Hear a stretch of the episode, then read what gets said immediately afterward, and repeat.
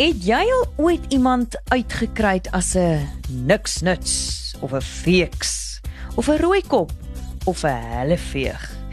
Ek moet sê, dit wissel, maar ek geniet nogals ouderwetse skelname soos jou lieplapper wat blykbaar al in 1902 in die Patriot Woordeboek verskyn het. Maar waar kom hierdie skelname vandaan? En wat is hulle taboewaarde in vandag se tyd?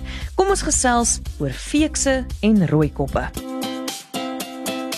Hoe nou? Met Suan Miller Maree en Gerard van Huisteen. Hoe nou word moontlik gemaak deur afrikaans.com. Jou tuiste vir alles oor Afrikaans. So uh Gerard, moet ons die mense waarsku om hulle radio's af te skakel vir sensitiewe luisteraars of hoe nou? Ag nee, ons praat oor mak skelname, alles wat jy in tydskrifte of koerante gedruk sou kon sien. So niemand hoef bekommerd te wees nie. Maar ek dink die groot vraag is eintlik is skelname gelyk aan vloekwoorde? So dis eintlik 'n tipe van vloekwoord. Ons kan nie sê dis sinonieme nie, maar want dis meer 'n tipe van 'n vloekwoord, maar dit gaan altyd daaroor wat is jou bedoeling daarmee, né? Nee? Gebruik jy dit om iemand te skok of as jy dit sê, gaan dit iemand afronteer? Dis die belangrike vraag waaroor dit altyd gaan. En dis juis wat ons in van ons navorsing probeer doen in 'n groot navorsingsprojek by die Noordwes Universiteit is om te bepaal wat is hierdie taboewaarde van woorde sê net maar argumentsonthaalwe soos helleveeg of feeks En by so 'n vloek simposium was dit interessant dat jy gesê het jy weet dit gaan oor die sender en die ontvanger en albei moet aanstoot neem vir 'n ding om 'n vloekwoord te wees. En natuurlik deesdae is dit baie meer gerig net op die hoorder, nê. Nee. Mm. As jy eh, geafronteer is deur wat iemand gesê het, nou ja, dan maak dit nie saak wat daai ou se bedoeling was nie. Dis nou maar helaas die tye waarin ons lewe.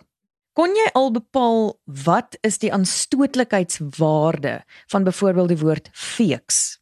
So ons het 'n sogenaamde vloekmeter wat ons besig is om saam te stel. Dis nou maar nog aan die beginstadium daarvan, maar ons het inderdaad al baie mooi resultate oor feeks en wat ons dan kan vergelyk met iets soos helleveeg argumentsonthaalwe. Nou, die interessantheid hier is dat beide feeks en helleveeg respondente sê as iemand jou 'n feeks noem of 'n helleveeg noem, hulle gaan nie geafronteerd wees nie. Maar hulle dink tog 'n mens moet versigtig wees om iemand sommer 'n feeks of 'n helleveeg te noem. So hulle is al so in die oranje en hulle is nie meer groen woordjies nie. Hulle beweeg so op daai vloekmeter so in die oranje in. Dis oulik die vloekmeter.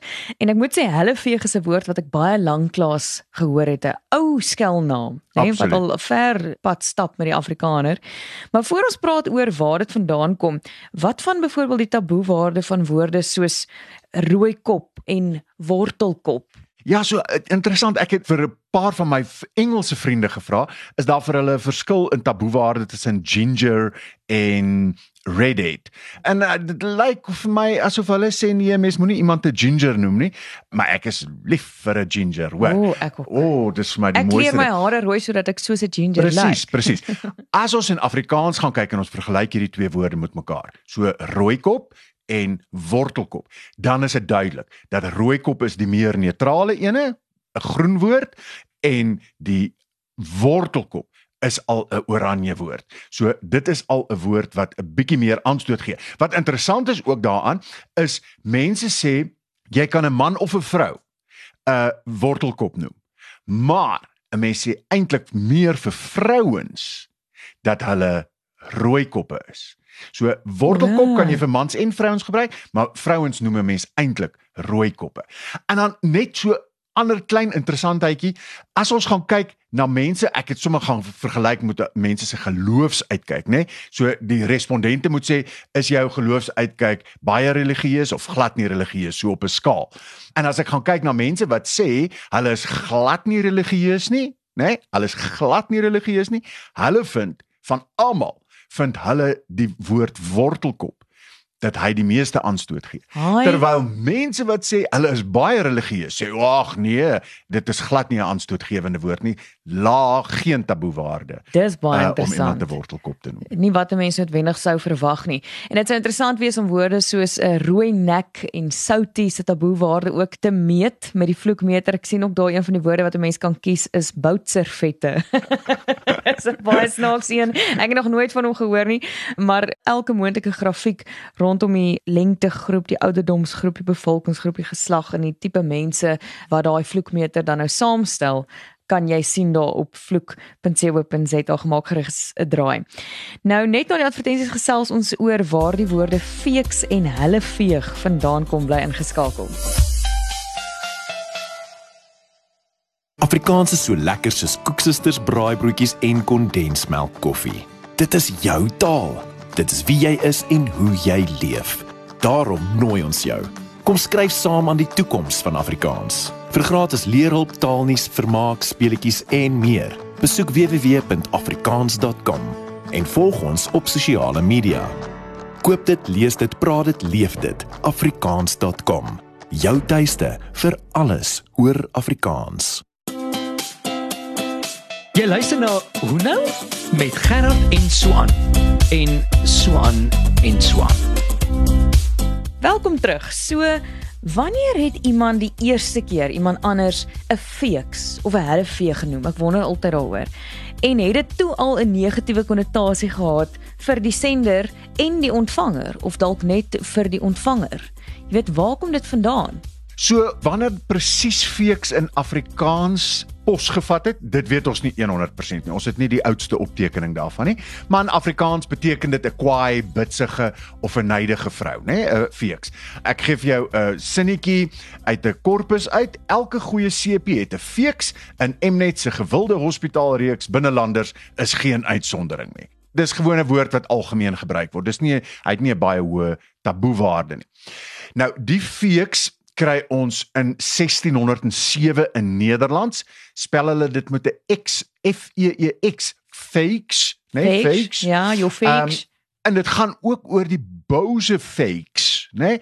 Nie net die uh, fakes nie. So ehm Ah, um, die bose vee. I well nee, nie regtig nie. So die fakes was dus hierdie boosaardige vrou. Goed. So waar dit by ons nie boosaardig is nie, dis meer bitsig en kwaai. Was dit in Nederlands? Dis hierdie boosaardige. Konnotasie. Nou Hmm. Nederlands gaan kry dit dan uit Hoogduits uit die woord fakes, fakes en dit het eintlik verwys na 'n onbeholpe persoon, 'n onbeholpe mens, nie net noodwendig 'n vrou nie. Nou daai fakes het ook te doen met die Duitse woord fags wat grap is of vegs of fix wat grapmakers was, nê. Nee. Ja. So nie daai boosaardigheid van die Nederlanders nie, meer iets grappigs, iemand wat onbeholpe is en so aan.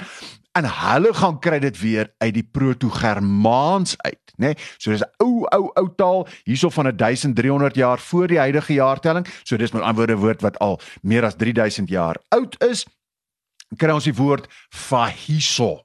Fahiso, daai fai het vyhandig beteken. So 'n feeks was dus eintlik 'n vyhandige persoon, nê, nee, nie noodwendig boosaardig nie, maar was meer vyhandig. En nou is die interessantheid, die veeg van helleveeg, daai veeg het presies hierdie selfde wortel. Daai fai is Ja. presies dieselfde wortel van feeks en van helleveeg.